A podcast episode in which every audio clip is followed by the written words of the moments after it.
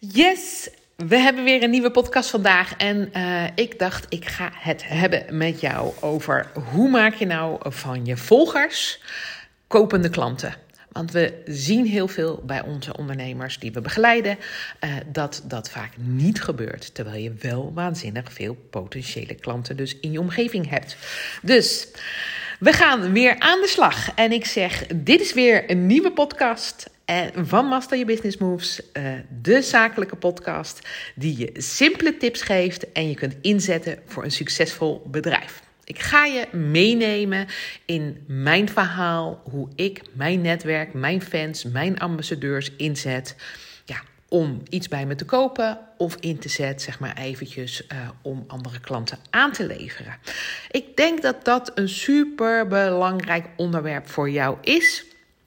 Uh, ik heb zelfs aantekeningen gemaakt uh, om zo volledig mogelijk te zijn. Uh, er valt natuurlijk altijd nog meer te vertellen, maar ik ga je echt inspireren op deze zaterdagochtend.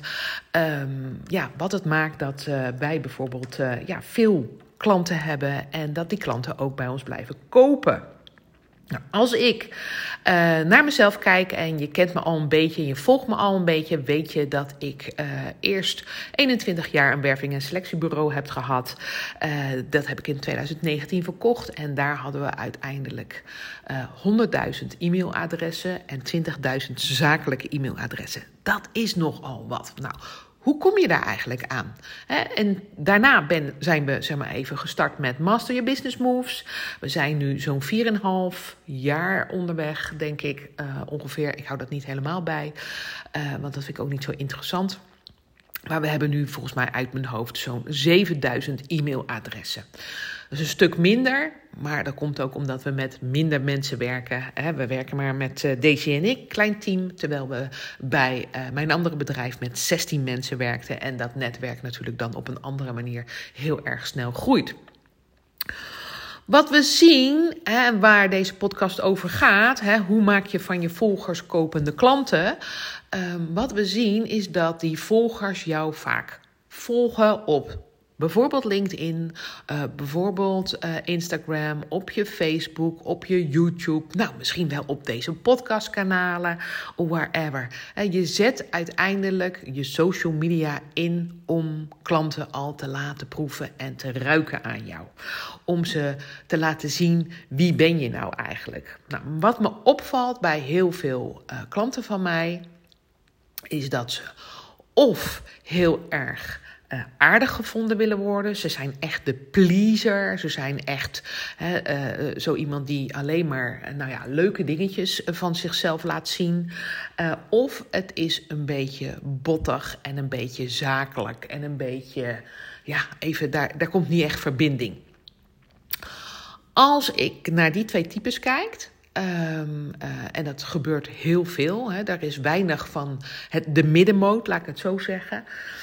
Uh, dan zien we natuurlijk dat de ene een pleaser is en die wil uh, niet afgewezen worden. Die uh, persoon die zitten heel vaak in aardig gevonden worden, durven niet door te pakken of durven niet te vragen om de opdracht en blijven een beetje hangen. Hè, want wat zullen ze dan wel niet van me denken? Of wat hè, ze vinden me arrogant of wat dan ook. dus durven ze niet door te vragen. En ik zie vaak bij mannen veel vrouwen hebben dat niet. Veel vrouwen hebben dat niet. Dat hebben vaak veel mannen. Die zijn vaak meer aan de um, ja, zeg maar wat zakelijke kant, aan de mannelijke kant natuurlijk. En die maken dan, die zijn heel erg pusherig. En die zeggen: koop mijn uh, zeg maar product. Of druk hier, want ik kan jou nu helpen. En die zitten heel erg aan die pusherige kant. En die verbinden dan weer helemaal niet. Beide types ik zeg, uh, bedoel, we hebben alle, iedereen heeft natuurlijk alles in zich, maar even, ik heb daar nu even een vergrootglas natuurlijk opgelegd, want anders ja, snap je de voorbeelden niet. En misschien heb je nu al wel mensen in je hoofd. Beide types uh, stoten uiteindelijk klanten af. De een omdat hij te pusherig is en de ander omdat hij uh, zeg maar even niet het, de leiderschap laat zien of uh, de, de, de, hè, die durft niet te vragen. Nou, ergens in het midden ligt de waarheid. En zo is natuurlijk altijd natuurlijk met ondernemen. Hè. Er zijn honderdduizend waarheden, er zijn honderdduizend manieren hoe je je bedrijf kan uh, voeren. Uh, alleen ik denk uh, dat ik daar een bepaalde manier van uh, ja, zeg maar zoeken naar klanten heb gevonden. En ik weet ook hoe ik mijn bedrijf moet leiden. Want anders heb ik niet ja, voor de vierde keer een succesvol bedrijf wat ik nu neerzet. En maken we een paar ton omzet dit jaar. En gaan we nog steeds voor het doel 5 ton omzet. Ook al is Daisy, zeg maar even dadelijk op zwangerschapsverlof. Uh, en ga ik twee maanden dadelijk aan mijn boek werken en een cursus volgen. En we zijn helemaal up-to-date. En we laten dus een duidelijke visie zien, een duidelijke mening zien. We laten uh, leiderschap zien. Uh, we durven zeg maar, die visie ook neer te zetten. We durven ook heel erg uit te spreken wie wij zijn. Maar aan de andere kant durven we ook wel eens te laten zien dat we nou ergens van de kaart zijn. Of dat we hè, ergens eraf liggen of wat dan ook. Mensen willen uiteindelijk, als ze je volgen, beide kanten van jou zien. Ze willen namelijk zien dat je mens bent want je wil natuurlijk even uh, uh, nou, niet te lief gevonden te worden, maar je wil ook niet te zakelijk en onmenselijk uh, gevonden worden. Beide helpen jou niet aan klanten. En dat is het spel der spellen wat je heel goed op je social media kan toepassen. Um, als jij klanten wil aantrekken, dan zal je een hele mooie mix mogen laten zien van wie je bent en waar je voor staat. Klanten zoeken uiteindelijk um, leiders die ze ja, die een voorbeeld zijn voor hun om uiteindelijk ja, ze na te doen. Want uh, als ik kijk naar mijn business coaching, heel veel klanten weten niet hoe ze een business op moeten zetten, wat ze daarvoor moeten doen en uh, hoe dat in het dagelijks leven gaat. Nou, ik breng die klanten van A naar B.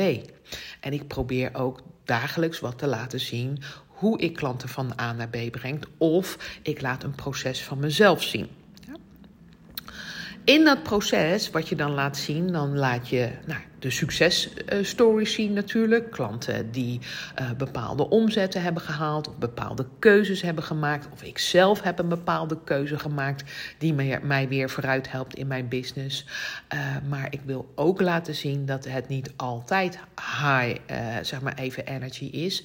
En dat je ook wel eens ja, verstappingen maakt of in een valkuil valt. En ook die problemen probeer ik aan te tippen uh, op mijn zeg maar even feed of in de stories om te laten zien dat er natuurlijk altijd vragen zijn of mensen niet direct overgaan uh, tot bijvoorbeeld een aankoop.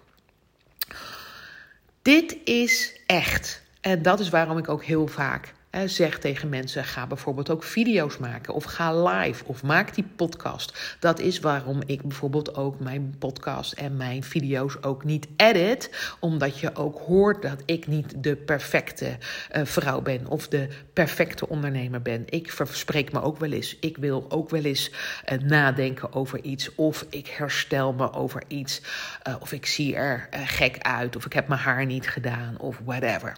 We zijn namelijk allemaal mensen. En dat juist dat mens zijn, die high energy en die low energy, of hè, de, je sterktes laten zien en laten zien ook dat je in een valkuil kan vallen, dat maakt jou echt. En dat maakt dus dat klanten jou gaan vertrouwen. Want hoe krijg je nou die klant? Dat was natuurlijk de vraag. Hè? Hoe maak je nou van je volgers kopende klanten? Nou, als je laat zien wie je echt bent, dan maak je dus ook dat je de verbinding met je klant aangaat. Want uh, ik heb gisteravond bijvoorbeeld ook een aantal dingen laten zien. ik heb nu de voorbeeld.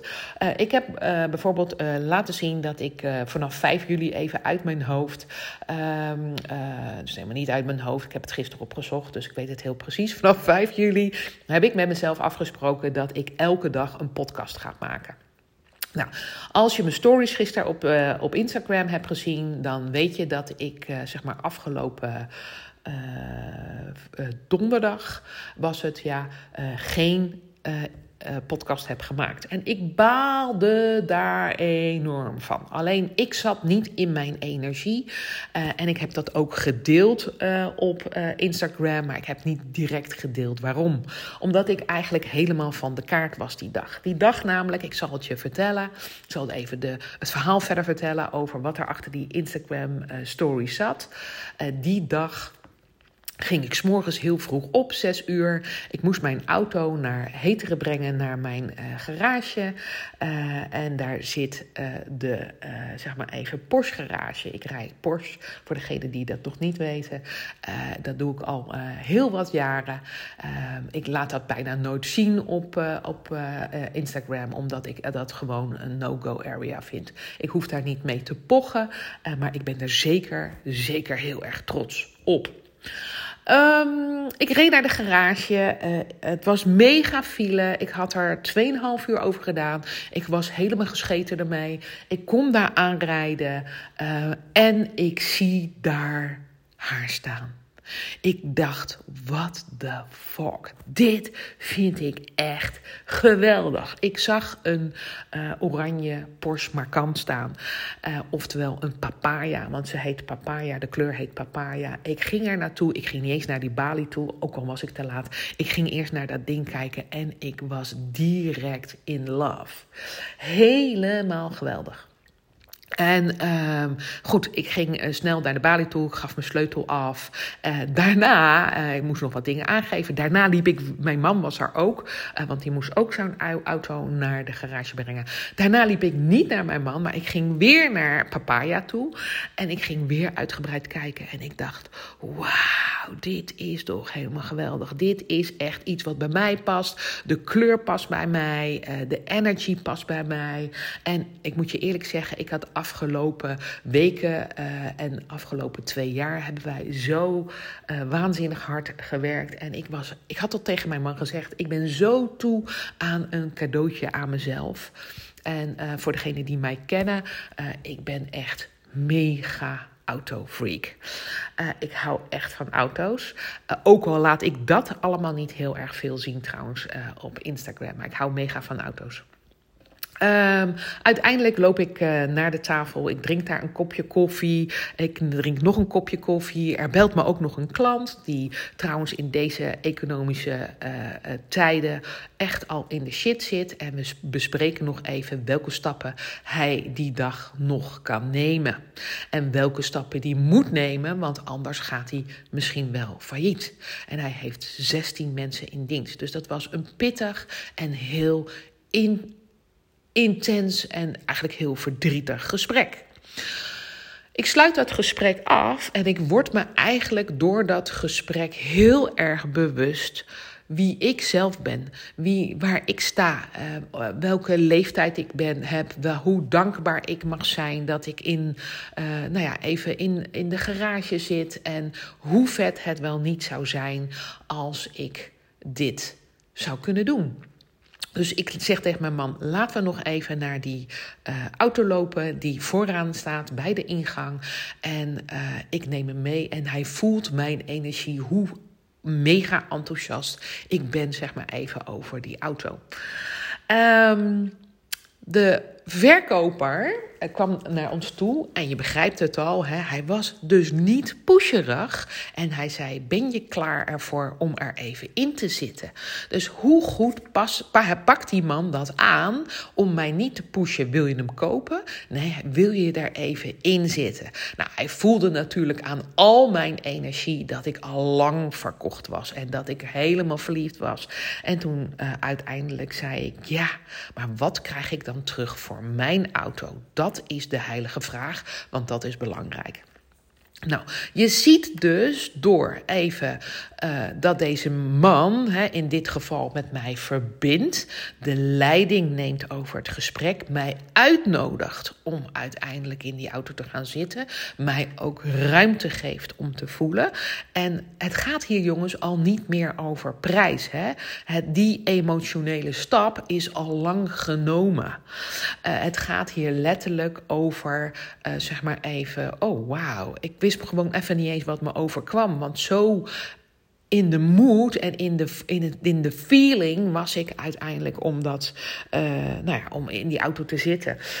Ik durfde niet eens in die auto zitten. Ik heb het ook niet gedaan, want ik dacht, dan ben ik echt helemaal overstag. Ik ben ook niet in de auto gaan zitten trouwens.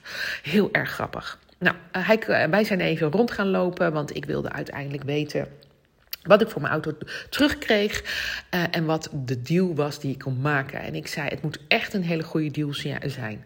Uh, maar uh, wij zijn even het kantoor ingelopen van die meneer. Hij heeft ons even gelaten. Want ik had niet eens met mijn man overlegd van, joh, zullen we dat wel doen? Zo goed, hè, moet je even bedenken, kan ook jij met je klanten omgaan op je social media door eerst eens even wat vragen te stellen, te verbinden, te vragen te stellen: wat heb je nodig en wat, hè, wat, wat is er op dit moment nodig? Nou, ik kan je vertellen, alle, ook kleine aankopen, maar ook alle grote aankopen worden altijd gedaan, zeg maar even, als jouw limbisch brein daar een bepaald gevoel bij heeft.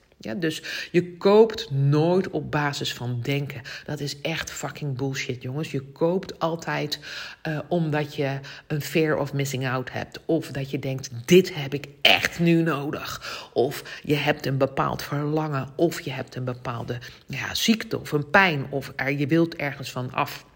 Nou, dit was duidelijk een verlangen. Hè? Dit had niks met zeg maar even een pijn te maken. Dit had duidelijk met verlangen te maken dat ik toe was aan iets nieuws en aan een cadeautje. Het ging dus ook letterlijk niet om de prijs. Dat is natuurlijk bizar, want het is wel een hele, hele dure auto. Het is een hele dure aanschaf. En dus vroeg ik hem ook natuurlijk wat uiteindelijk zijn bod was voor mijn andere auto. En ik wil je dus meegeven dat deze man in zijn rol stapte van leider om mij een stukje hè, ruimte te gunnen om zeg maar, mij te verbinden zeg maar, ook met hem. Maar ook niet te pusherig te zijn door uiteindelijk zeg maar, even mij het mes op de tafel te zetten. Nou, in uh, het kamertje waar ik uiteindelijk zat met mijn man, uh, gingen wij in overleg. En ik zeg tegen uh, mijn man: Ik vind het helemaal te gek. Ik vind dit helemaal te gek. En uh, hij zegt, ja, ik vind hem ook helemaal te gek. En dit is echt, Francina, wat helemaal bij jou past. Ook die kleur, die papaya kleur, dat is echt wat voor jou. Je moet het doen. En toen zei hij, wat wil je dan voor de auto terug uh, hebben? En ik zei, dat en dat bedrag. Als dat het is, dan ga ik, uh, ga ik het doen. En ik schrok van mezelf. Ik heb nu nog bijna een trillende stem. Ik voel aan alles dat ik bijna geëmotioneerd raak uh, door, in de, deze podcast. Daarom lach ik dus donderdag ook af. Um, ik dacht, wauw, ga ik dit doen? Ga ik dit mijzelf gunnen? Ik, ben, ik kan er nog even helemaal warm van worden door, uh, door het weer her te beleven. Wat er allemaal in dat kamertje gebeurde. En hij kwam terug uh, en hij zei tegen mij: Dit en dit kan ik voor de auto geven. Ik zeg: Nou, dan hebben we sowieso geen deal, want dan gaan we het niet doen. En in die in dat moment moet je ook zakelijk zijn en moet je ook keuzes maken en je moet heel slim antwoorden. Wat ga, wil je er dan wel voor geven, zei hij tegen mij. Nou, ik zei, dat ga ik niet aangeven, maar dit is niet de deal. Je, je, moet echt met een betere deal komen. En ik wil je weer laten zien, dit is dus ook weer van zijn kant leiderschap. Mij natuurlijk aanspreken, wat wil jij? Mijn leiderschap komt hier ook zeg maar even om de hoek kijken, want ik ga me niet laten vangen voor de eerste, de beste vraag. Maar ergens moet het loskomen en ergens moet je het spel dan gaan spelen, in dit geval het onderhandelingsspel. En je hoort al aan mij dat ik uiteindelijk ook al van tevoren heb bedacht: dit wil ik ervan van, uh, voor hebben. En dan is het bij mij akkoord. Dus Keep the end in mind als je iets wil, ook met jouw klant of als je iets wil verkopen, want daar gaat dit ook over. En uiteindelijk uh, dacht ik, nu moet ik ook hoger gaan zitten. Want we weten altijd, even met een auto-onderhandeling kom je ergens in het midden uit. Nou, niet helemaal in het midden, maar hè, je komt ergens uit waar je beide tevreden uh, over bent. En ik wist mijn prijs en hij waarschijnlijk ook. Uh, want dat is het spel wat je speelt. Um, uiteindelijk is hij weer weggelopen, nog een keer in overleg gegaan. En dat is ook het spel, zodat hij weet dat ik met mijn man in overleg ging. Wij hadden bepaald, dit is het en anders niet. Dus daar waren we allebei heel standvastig in. René is nog um, iets minder standvastig uh, dan ik. Ik ben daar heel strak in, uh, in het onderhandelen over een prijs. Als ik iets wil, en dat laat ik niet los. En dat wist hij ook van de vorige keer. Uh, dus uiteindelijk komt hij terug voor de tweede keer. Hij zegt: Ik kan je één heel goed aanbod doen. En dat is het dan ook. En uiteindelijk zei hij: um, Dat en dat en dat ga ik je voor de oude auto bieden. En dat is het. Nou, ik heb nog geprobeerd om daar nog wat uh, boven te gaan zitten. Ik was zelf in dat gesprek helemaal niet overtuigd, want ik had natuurlijk al het besluit genomen. Want het voorstel wat hij deed was al ver over mijn eigen gedachten heen. Dus hij had met daarmee al uh, het afgetikt. En daarmee was ik direct niet meer overtuigd in mijn eigen tweede voorstel, zeg maar even. Heel grappig dus, hè, dat, je, dat zie je natuurlijk ook aan je gedrag en aan hoe je woorden uitspreekt, de taal van je klant, hè, de taal die ik dan uitspreek en ook het gedrag. Je bent niet meer congruent met wat je uitspreekt. En als je niet congruent bent met wat je uitspreekt, dan ben je niet meer geloofwaardig. En als je niet geloofwaardig bent, uiteindelijk, nou ja, dan hè, loop je stuk. En ik, dat deed ik ook. Dus mijn tweede voorstel werd ook niet gehonoreerd, maar ik was al blij met het tweede voorstel van hem. Dus zo gezegd, zo gedaan. We gaven een hand en de deal was gesloten. Ik was bizar blij, maar je begrijpt dat later die dag, ik was gewoon eigenlijk gewoon helemaal van de kaart. Ik was al s'morgens heel vroeg opgestaan. Ik had een keuze gemaakt die dag die ik echt niet had bedacht om te maken. Uh, en ik was gewoon daar weggelopen uh, met een nieuwe auto. Uh, en um, ja, het was bizar. Ik heb een, uh, trouwens een uh, papaya-kleurige Porsche Macan gekocht. Voor als je nu denkt, wat heeft ze uiteindelijk gekocht? En ik ben er super, super, super blij mee. En ik, kan je, ik heb bijna tranen in mijn ogen over ook nou ja, hoe ik dat besluit heb gemaakt. Maar ook dat proces wil ik je vertellen, hoe je dat dan uiteindelijk doet. Dat is dus hoe je klanten, uh, zeg maar even, een volger of ieder, iemand die zomaar eigenlijk ergens binnenkomt. Dus omzet in een klant. En dit is wat jij ook kan met jouw mensen op jouw social media. Dus ik kwam uiteindelijk verder in Nijmegen, want mijn andere auto stond nog bij de garage. Uiteindelijk bleek die auto daar te moeten blijven staan. Ik moest er blijven uh, en uiteindelijk was ik uh, nou ja, gewoon van de kaart op een hele leuke manier. Hè? Maar het zoog toch ja, heel veel energie uit mij. En ik was gewoon even mijn uh, high energy vibe kwijt om uiteindelijk die podcast nog op te nemen. En dat is ook wat ik op mijn stories ook heb gezegd. Ik heb ook niet gezegd waarom dat zo was, maar ik heb daar heel veel vragen over gekregen. Dus ik heb aan de achterkant met heel veel mensen ben ik de verbinding aangegaan. Want ik wil hem nog even terughalen naar jou als je op je social media bent. Hoe trek je dus klanten aan? Of hoe ga je volgers dus omzetten tot klanten? Dat betekent dus dat je mag verbinden, mag laten zien wie jij bent, waar je voor staat en jouw visie durft te geven. En die visie, die is niet altijd roze geur en maneschijn. Je zal daar ook mensen mee afstoten. Die vinden je stom en die gaat, dan gaat die volger ook van jouw platform af. En dat is helemaal oké. Want als die volger vindt dat je stom bent of dat je onzin verkoopt of niet die verbinding aan kan gaan met jou om wat voor reden dan ook, dan is dat gewoon niet jouw ideale klant. En ik leer dat mijn klanten ook. En juist in het beginstadium van, zeg maar even, als je een bedrijf aan het opzetten bent, is dat rete ingewikkeld. Want dan krijg je heel vaak nee's. En dan krijg je ook heel vaak afwijzingen. Want je bent nog heel erg aan het zoeken in naar je eigen tone of voice.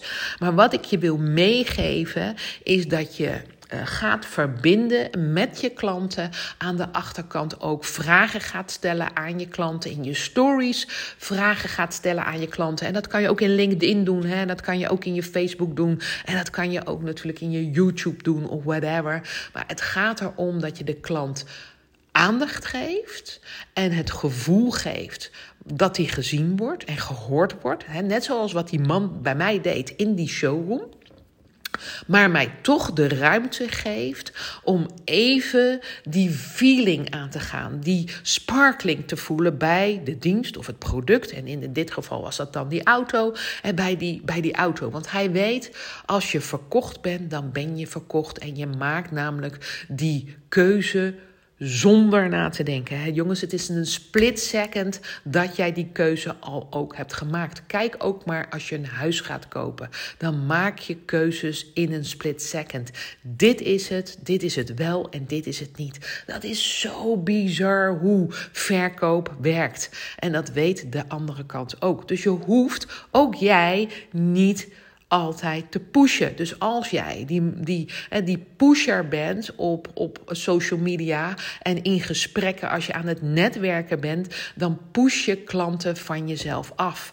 Als jij heel erg zegt, ja, jij doet het niet goed en je zou eens bij mij uh, zeg maar dat en dat moeten gaan doen, want dan werkt het wel, dan ben je in de, aan de mannelijke kant, dan ben je aan de pushkant. Dan geef je jouw klant geen ruimte.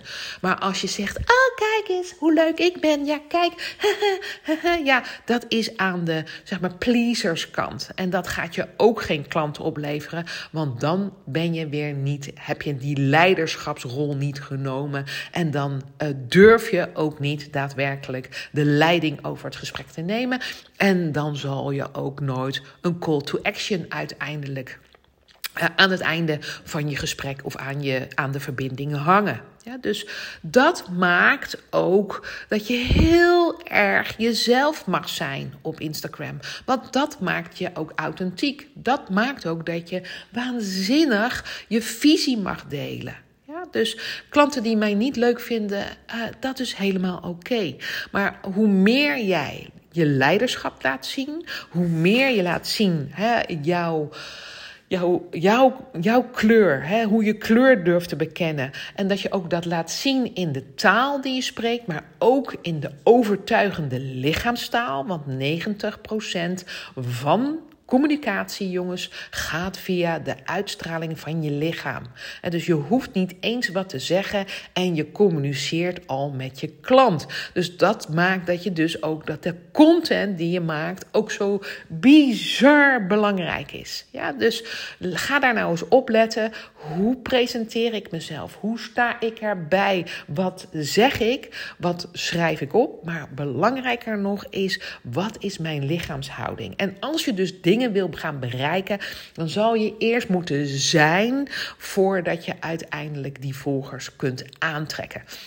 En daarmee wil ik je zeggen dat als je kopende klanten wil op je social media, dan zal je uiteindelijk ook af en toe een vraag moeten zetten van ben je daarbij? Of heb je dat al gezien? Heb je dat gedownload? Heb je mijn e-book al gezien? Of zal ik je een linkje sturen om bla bla bla bla? Zorg ervoor dat je ook regelmatig in de lead bent en stel een open vraag. En nee is een antwoord, maar ja jongens is ook een antwoord. En hiermee wil ik jou eigenlijk inspireren om op deze zaterdagochtend te gaan verbinden aan de achterkant op je social media in jouw favoriete platform. Het maakt me niet uit of het LinkedIn is, uh, Instagram is, Facebook is of YouTube is, maar laat nou eens zien wie je bent, waar jij voor staat.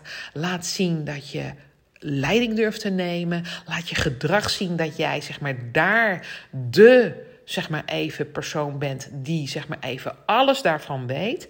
Maar geef je klant ook ruimte om te ruiken, proeven, voelen aan jou.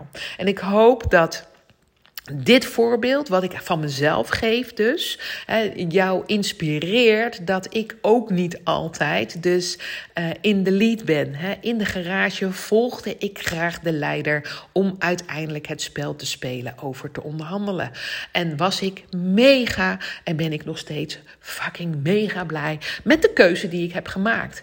Uh, en ik ben mega trots. En ik kan me voorstellen dat sommige mensen denken: Nou, wat een stom wijf. En waarom heeft ze zo'n auto? Het slaat allemaal nergens op, dan ben jij niet mijn ideale klant. Dat is helemaal oké. Ga je lekker iemand anders volgen, maar ik hou ervan. Ik hou van auto's, ik hou van kleur, ik hou van uh, zeg maar even uh, mijn favoriete uh, automerken en ik hou ervan om mensen te inspireren om de volgende fase in hun bedrijf te gaan nemen.